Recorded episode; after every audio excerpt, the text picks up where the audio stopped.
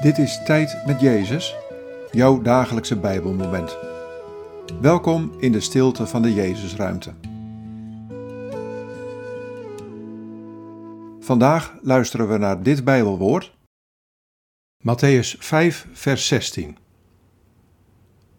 Zo moet jullie licht schijnen voor de mensen, zodat zij jullie goede daden kunnen zien en eer bewijzen aan jullie Vader in de hemel.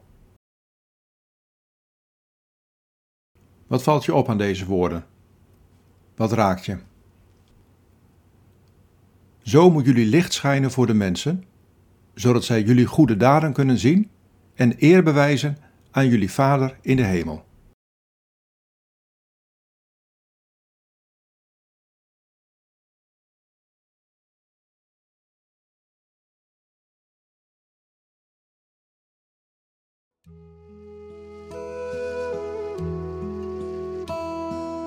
Geef licht in je omgeving door goede daden te doen. Daden die nederigheid en goedheid, barmhartigheid en zuiverheid uitstralen. Daden die de mensen aan het denken zetten, die mensen raken, die een verlangen naar mijn Vader aanwakkeren. Laat je licht schijnen tot eer van de Vader.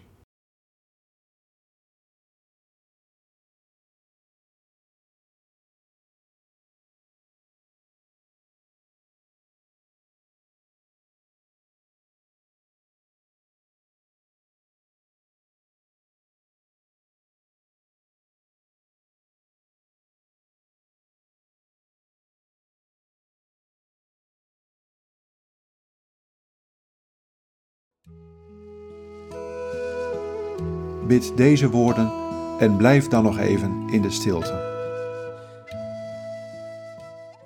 Heer Jezus, geef dat mijn licht schijnt voor de mensen.